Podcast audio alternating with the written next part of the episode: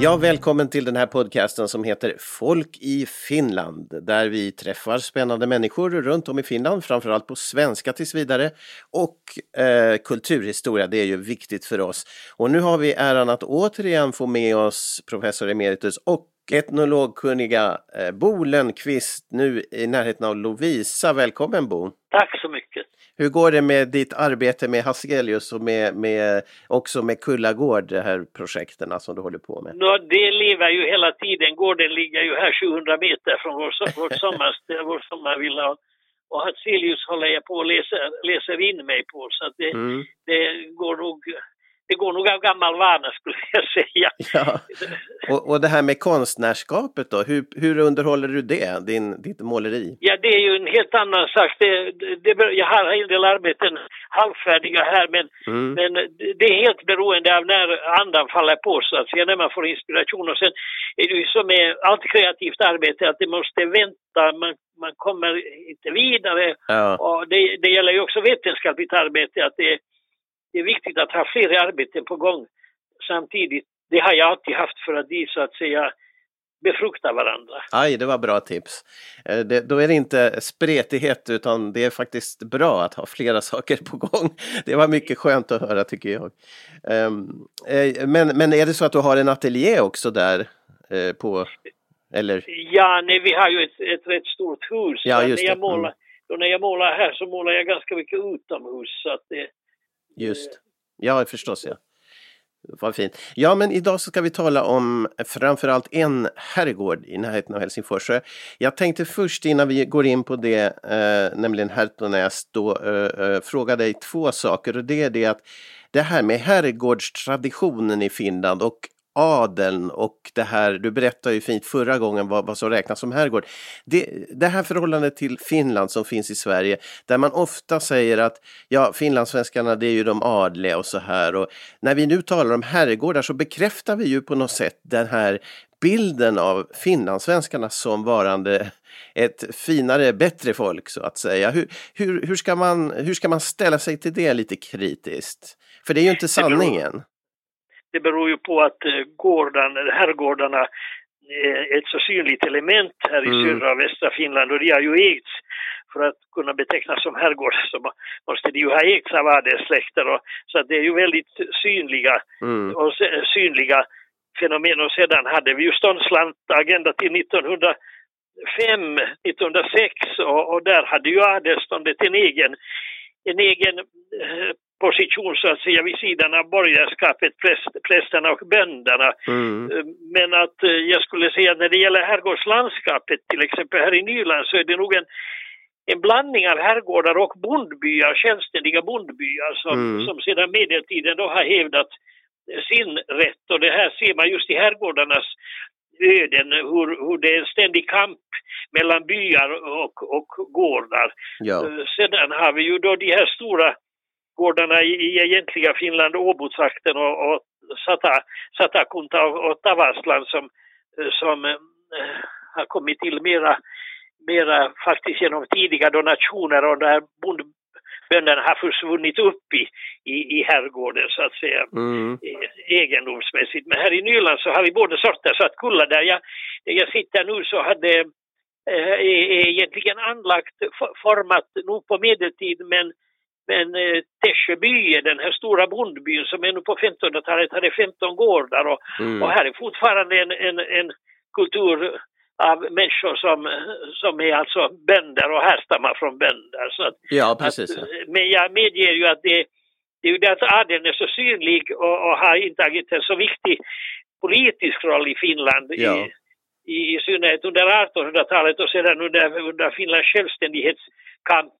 Så att det, på det sättet så får man väl den uppfattningen att att, eh, och sen kulturellt naturligtvis har, har de, de ärliga synts. Och nog ser man det fortfarande om man besöker en av våra här är ju några mycket feodala socknar med stora gods här i, i Lovisa-trakten, till mm. exempel Pärno. Om man besöker Pärno kyrkogård så ja. ser det som är ögonenfallande där är ju de två stora eh, vita gravkapellen och sedan är då fiskarnas och böndernas enkla gravstenar där emellan de här. Det är då Gärt i Tärvik och sedan är det, är det von Borns på Sarvlax, Kreutz von Born på Sarvlax ja. och Pärnu kyrkas vapensköldarna i de här nyländska sockenkyrkorna så de, där, där hänger ju också adeln så att säga på parad. Ja precis, ja vad fint men det, det är klart en, en, stor betydelse har herrgårdarna och, och dess ägare haft för eh, livet i Finland men det är, inte den, det är inte hela bilden när det gäller det svenska i Finland i alla fall, det kan vi ju påpeka. Ja, men vi ska gå över och prata om några herrgårdar lite mer specifikt som vi berörde förra eh, veckan. Och vi går ju då österut från eh, ganska nära Helsingfors och eh, tittar på det här Degerö och Härtonäs-området.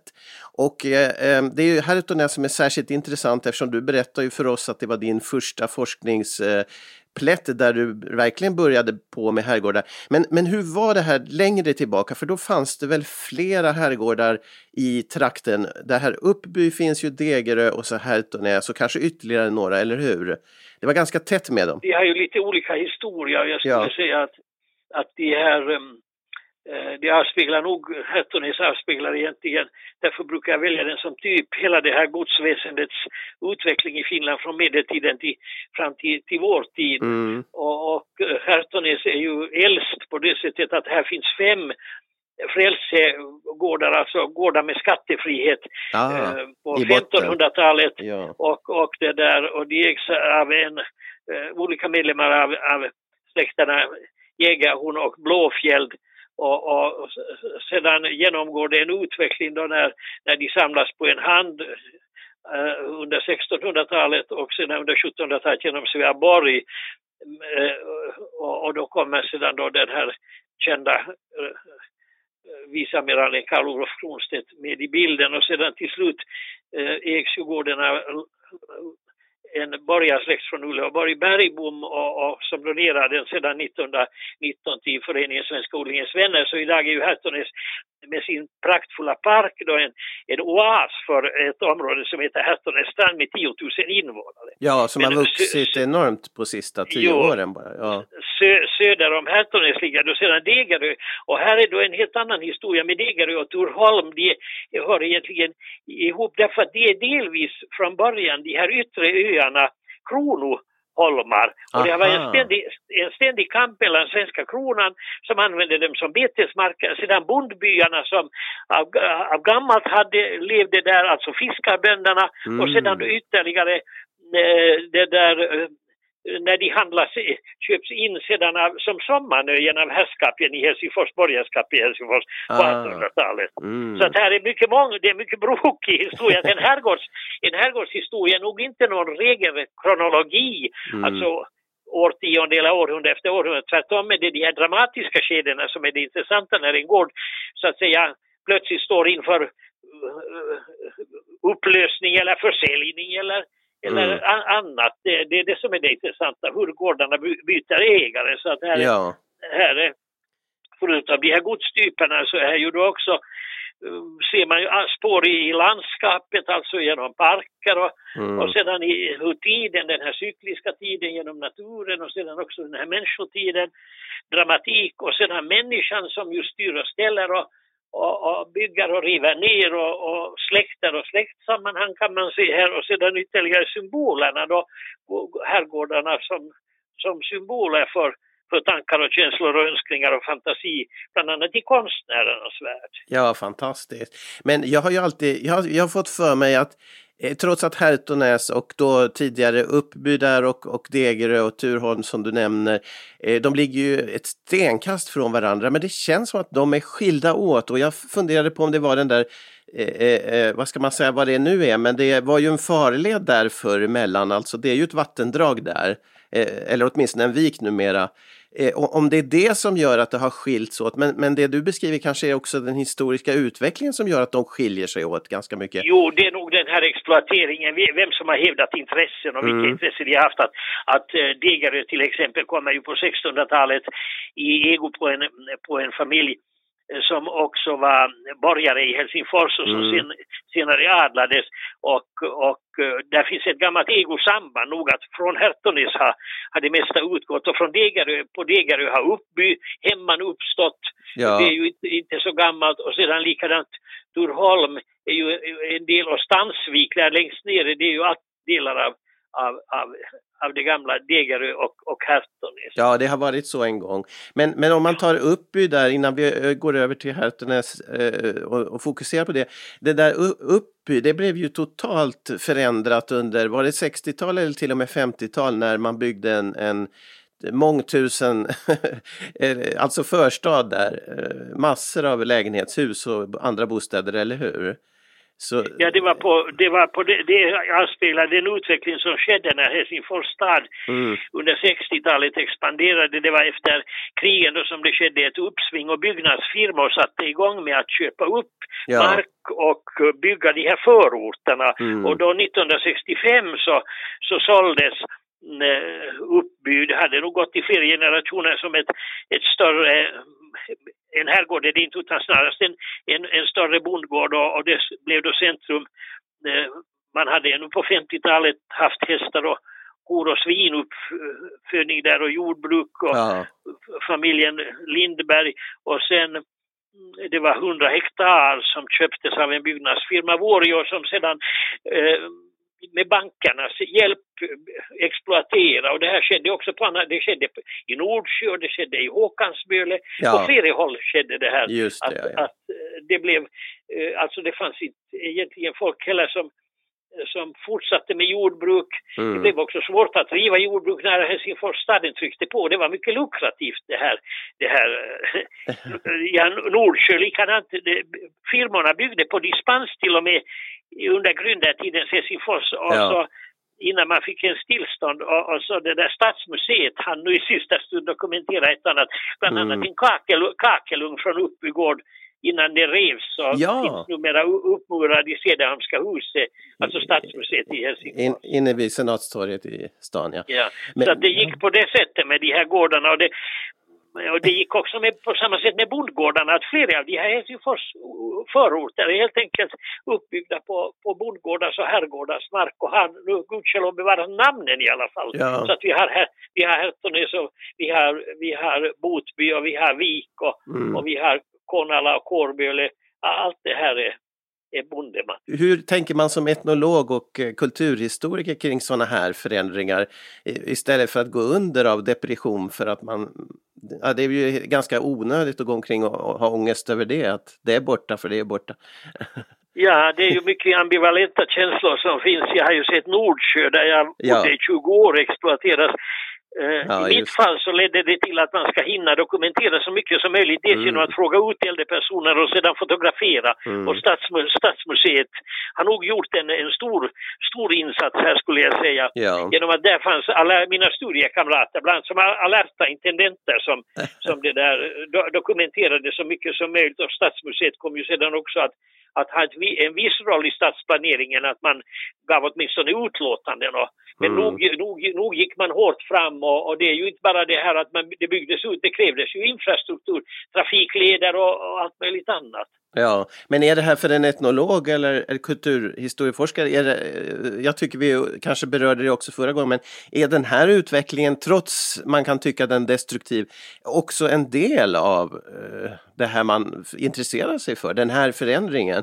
Hur människor då sen, så att det är inte bara negativt för en etnolog utan nej, det är också... Nej, ja. det, det, det, är mycket spännande att se de här mekanismerna som ligger bakom det. Ja, just det. Och, och det där, där kan man ju då säga att, att jordens värde, det håller ju i sig. Mm. Och det, där ser man ju strukturer långt bakåt i tiden, hur, hur mycket jord jorden har varit värd. Och på herrgårdarna så råder ju och har rått den ideologin att aldrig avstå en bit jord i onödan. Det såg man ju 1918 eh, och 19, på 1920-talet när, när de, kom, de, här, de här jordinlösningsmöjligheterna för torpare och landbönder mm. att, att eh, en del gårdar köpte ut de här för att få behålla jorden om de hade pengar, reda pengar, ja. medan andra, andra då sedan gick under helt enkelt på grund av att de miste den här torpararbetskraften. Ja. Härtonäs igen så, det var ju 800 hektar så att hela mm. det här nuvarande Härtonäs har ju vuxit upp på, på det där på godsets mark och, och lantbruksrådet mm. Bergbom som var den sista ägaren, han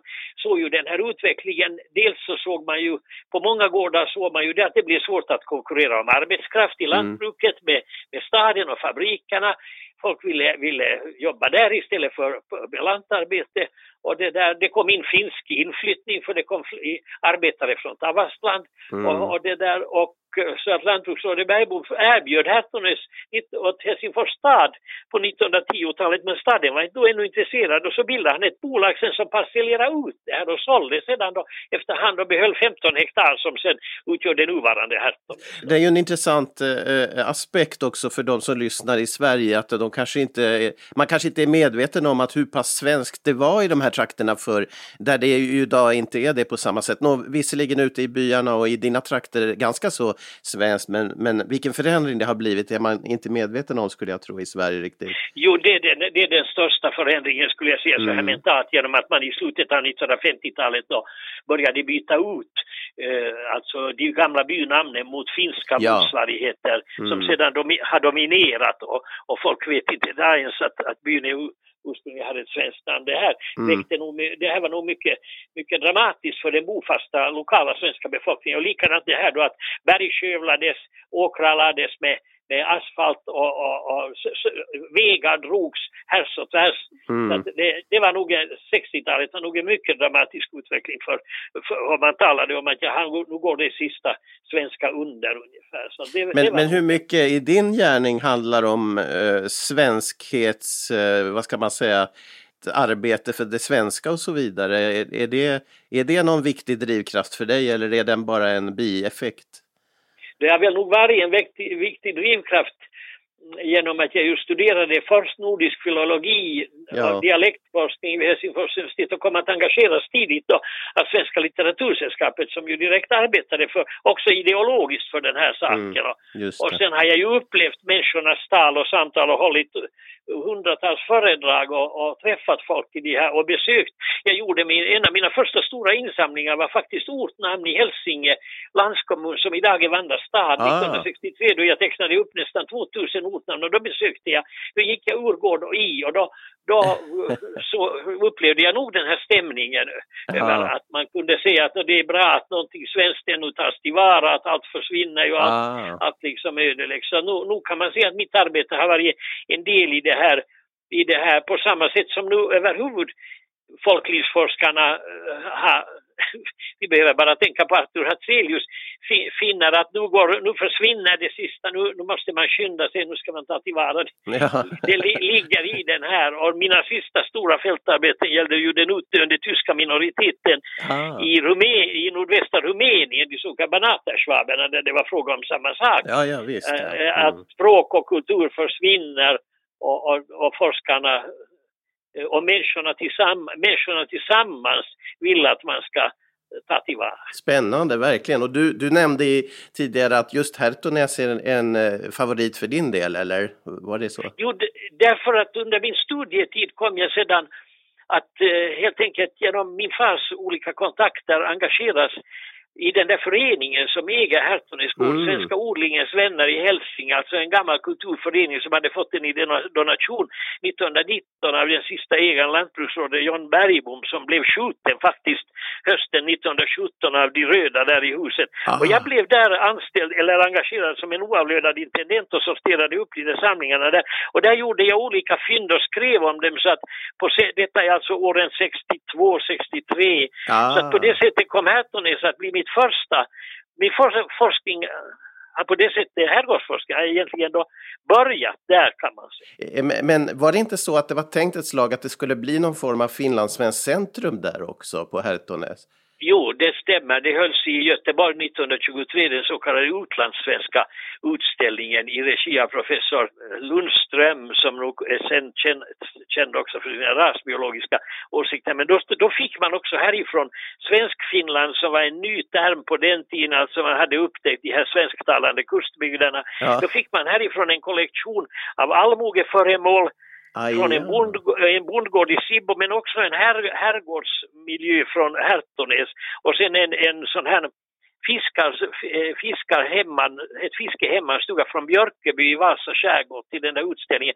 Och när den där utställningen var slut så tänkte man att man skulle göra ett svensk-finlands museum just här på Härtonäs med, med herrgård och bondgård och, och det där. Och, och men det fanns inte sen resurser för det och Nationalmuseum i Helsingfors satte sig emot för man tyckte att inte kan man skilja svenskt och finskt på det där sättet ja, att i Nationalmuseum fanns det ju föremål från hela landet. Ja, just det. det, ja. det är en särskild, en lång historia och där var nog de som var inblandade var faktiskt en av dem som hade mycket nära kontakter med, med de svenska folklivsforskarna på 20-talet också senare med professor Gabriel Nikander ah. som var den första, första professorn i folklivsforskning här i Finland, alltså vid Åbo akademi. Och, och, och han, han var en eldsjäl i det här att få ett svenskt Finlands museum för att han var också med och skapade hela begreppet svensk Finland för de här kustbygderna. Och ah, hans ja. dotter Hans dotter Ragnar Nikander, sedermera Albeck, hon var min mentor när jag blev anställd på Litteratursällskapet 1963 som timanställd. Så att av henne har jag lärt mig väldigt mycket. I arkivet? Jo. Mm. Men, eh, men eh, den senare tidens eh, odlingens vänner har inte, har inte drivit den här frågan då utan det var länge sedan? Nej, det, blev, det har blivit en annan sak. Alltså det blev, på sätt och vis blev det nog ett herrgårdsmuseum. Ja, just men, med, och där är, finns också en bondgård som är öppen mm. eh, med, med vissa bondekulturer och herrgårdskulturen. Men Hertonäs var länge sedan, ännu när jag kom dit så var det, var det länge egentligen det var ett kurscentrum emellan men sen genom en donation på 1990-talet av en av de sista ättlingarna till viceamirären Karl Olof Kronstedt, en stor donation av inventarier så blev Hertonäs vad det är idag, det vill säga ett Kronstedt museum. Ah, ja. över, över Sveaborgs officerarna och framförallt Kronstedt. För det är Sveaborg-mannen det riktigt, ja. Jo, så jag, och det flera mm. av de där officerarna på 1700-talet hade ägt Hertonäs. Ja, som hade koppling till Sveaborg, precis. Ja. Som hade koppling ja. till Sveaborg. De, de var ju sina egna entreprenörer och,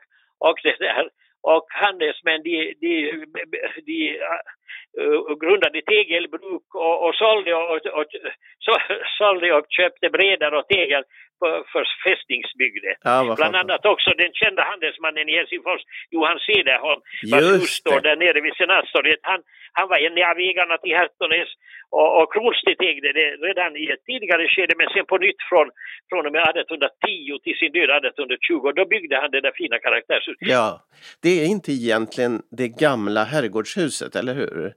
Eller... Nej, det låg nere just vid det här sundet som du nämnde tidigare. Ja, just det. Mm. Och där finns en flygelbyggnad som idag, som sedan 1920-talet är café och senare numera restaurang och den är, påstås vara en gammal byggnad där nerifrån sundet, en stockbyggnad. Ah, som flyttats upp? Uppflyttad, jo.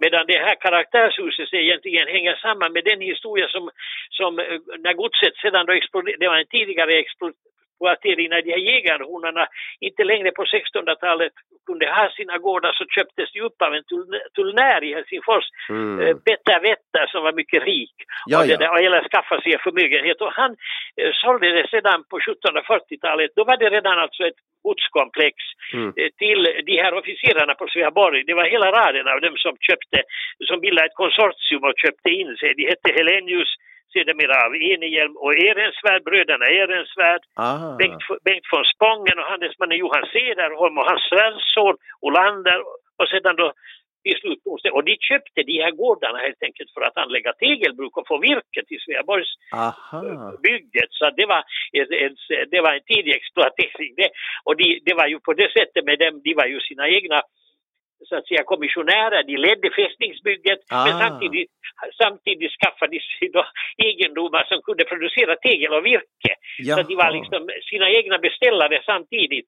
Och, och, och, det där. Och, och på det sättet så byggde man på Hertonis först ett, ett, ett, ett, tegelbruk, eller på Tammelund egentligen där i vid, ett tegelbruk och sedan på Hertonis en, en fabrik för tillverkning av, av oäkta porsliner, alltså fajanser. Ah, ja. och det där. Så att den här bottenvåningen på Hertonis, källaren på Hertonis i den gamla fajansfabrikens ugnar finns där och sedan byggde, byggde man på då en våning och sen eh, byggde eh, Amiral Kronstedt och lät Per Granstedt rita.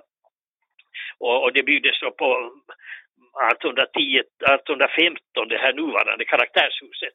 Så, så, jaha, så sen dess har man bott där alltså? Då? Jo, ja. jo i, i, i det där huset. För att Kronstedt, eh, på, efter det att Sveaborg hade gått under så etablerade han sig sen då, köpte han upp hela Hertonäs och, och bodde då där ända till sin död 1820. Ja. Och, och, då anlade han, det, där fanns nog en park förut, men då anlade han den här ståtliga parken och, med lusthusen som det påstås ritade av Carl Ludvig Engel. Ja och sedan då det här karaktärshuset ritat av Granstedt i, i två våningar. Så det är det som, därför passar det bra att vi idag har ett Kronstedt museum där i huset. Ja, det är ju faktiskt så. Och, men men hur, hur är det med resten av det gamla, den gamla gården där nere mot vattnet? Det finns ingenting kvar av det då alltså? Nej, där byggdes sedan under lantbruksrådet Bergboms tid som donationsmark till Helsingfors stad Hertonäs svenska folkskola mm. som i denna dag är då här, eh, Degerö lågstadium heter det idag. Ja, precis vid bron. Och det, det måste vara på samma plats där den gamla gården låg då troligtvis? Jo, ja, jo. just det.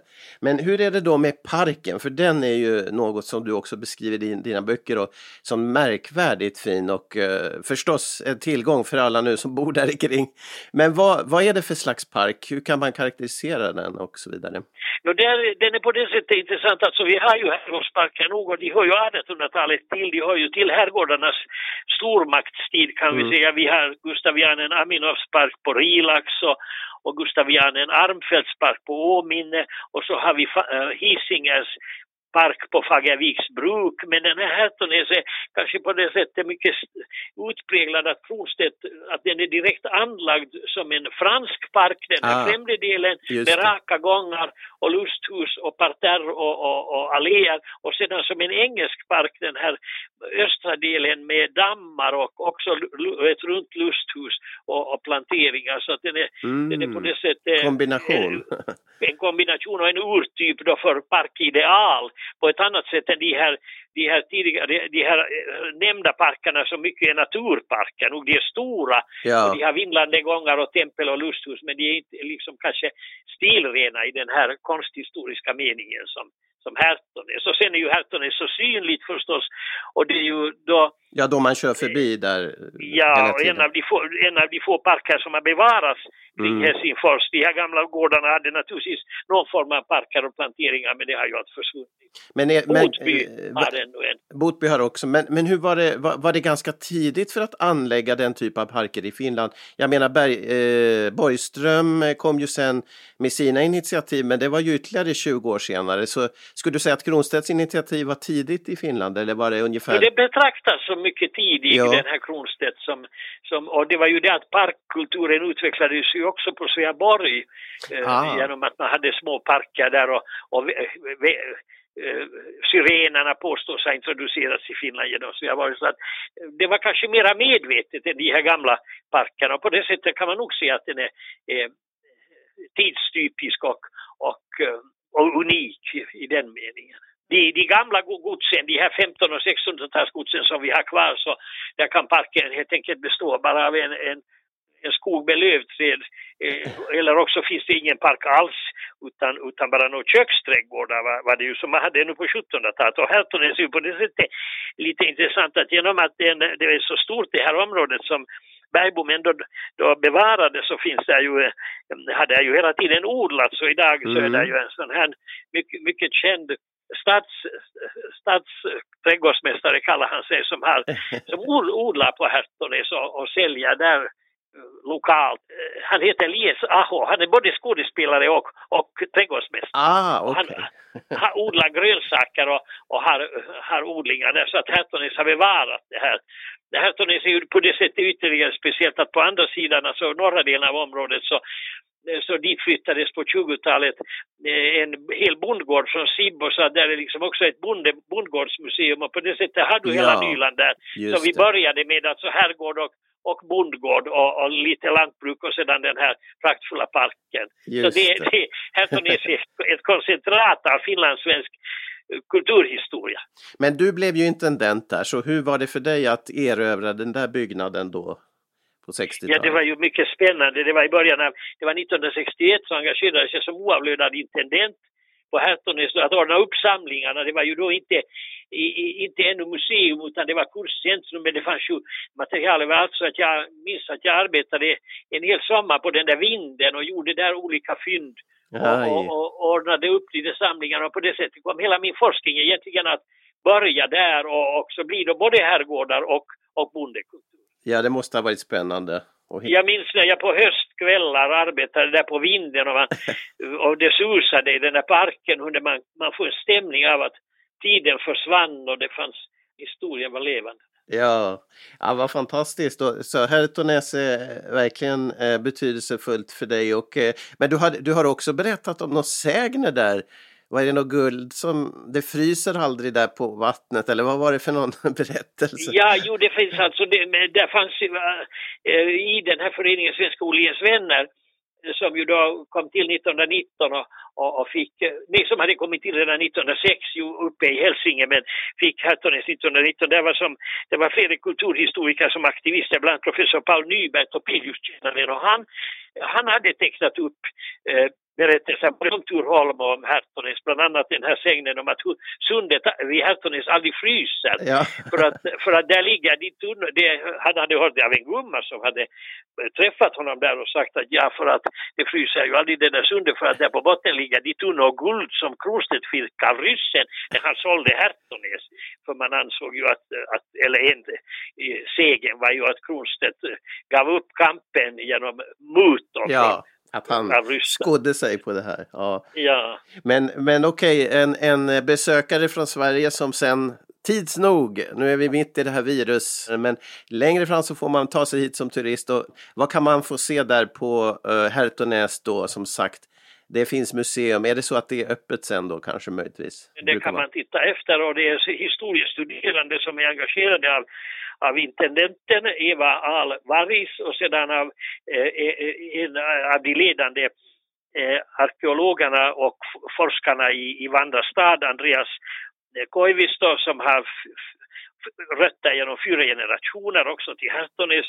Och, och, där är då historiestuderande som visar gården vissa tider på söndagar och, och naturligtvis andra tider också genom överenskommelse. Och då kan man, får man gå in och, och i nedre våningen är den här lantbruksrådet Bergboms eh, samling då, Just alltså hur man levde där på i slutet av 1800-talet, Bergbommarna kom 1860 och levde då här fram till 1900, eh, 1919 och sedan är där i övre våningen då ett Kronstedts Eh, Kronstedts bohagd, sådant som faktiskt har kommit tillbaka genom släkten Kronstedt och som då har funnits på Hertonäs i tiden. Så det är mycket, mm. mycket det där tidstypiskt och där är ju en vacker utsikt och då har man den där parken där och sen det, det här är ju ett av, kanske ett av våra allra äldsta museikaféer från 1925 i den där, ah. i den där eh, flygelbyggnaden där, det som har varit en, en nere på det gamla Hertonäs. Och ja. det började, började tidigt också så att man hade man visade för kafébesökare hade man ljusstöpning där vid julen och så vidare. Ah. Så jag, ja, och jag har komponerat i tiden också grevinnan Kronstedts supé utgående från hennes hushållsbok från 1820-talet som jag hittade där i sågspånen på vinden och publicerade. Så att man kan, man kan ja, jag vet inte om den köksmästaren är kvar men åtminstone så, så får man en rejäl rejäl herrgårdsmat. Ja, okej. Okay. Så den menyn finns i alla fall så någonstans att jo. bevara. Ja, vad spännande, vad fint. Det här var jättetrevligt att få prata med dig Bo igen och eh, jag hoppas att du får eh, någorlunda svalka i hettan här på sommaren och eh, lycka till med andra projekt. Tack så mycket för din medverkan. Ja, tack för att jag fick uppleva gamla ungdomsminnen. tack.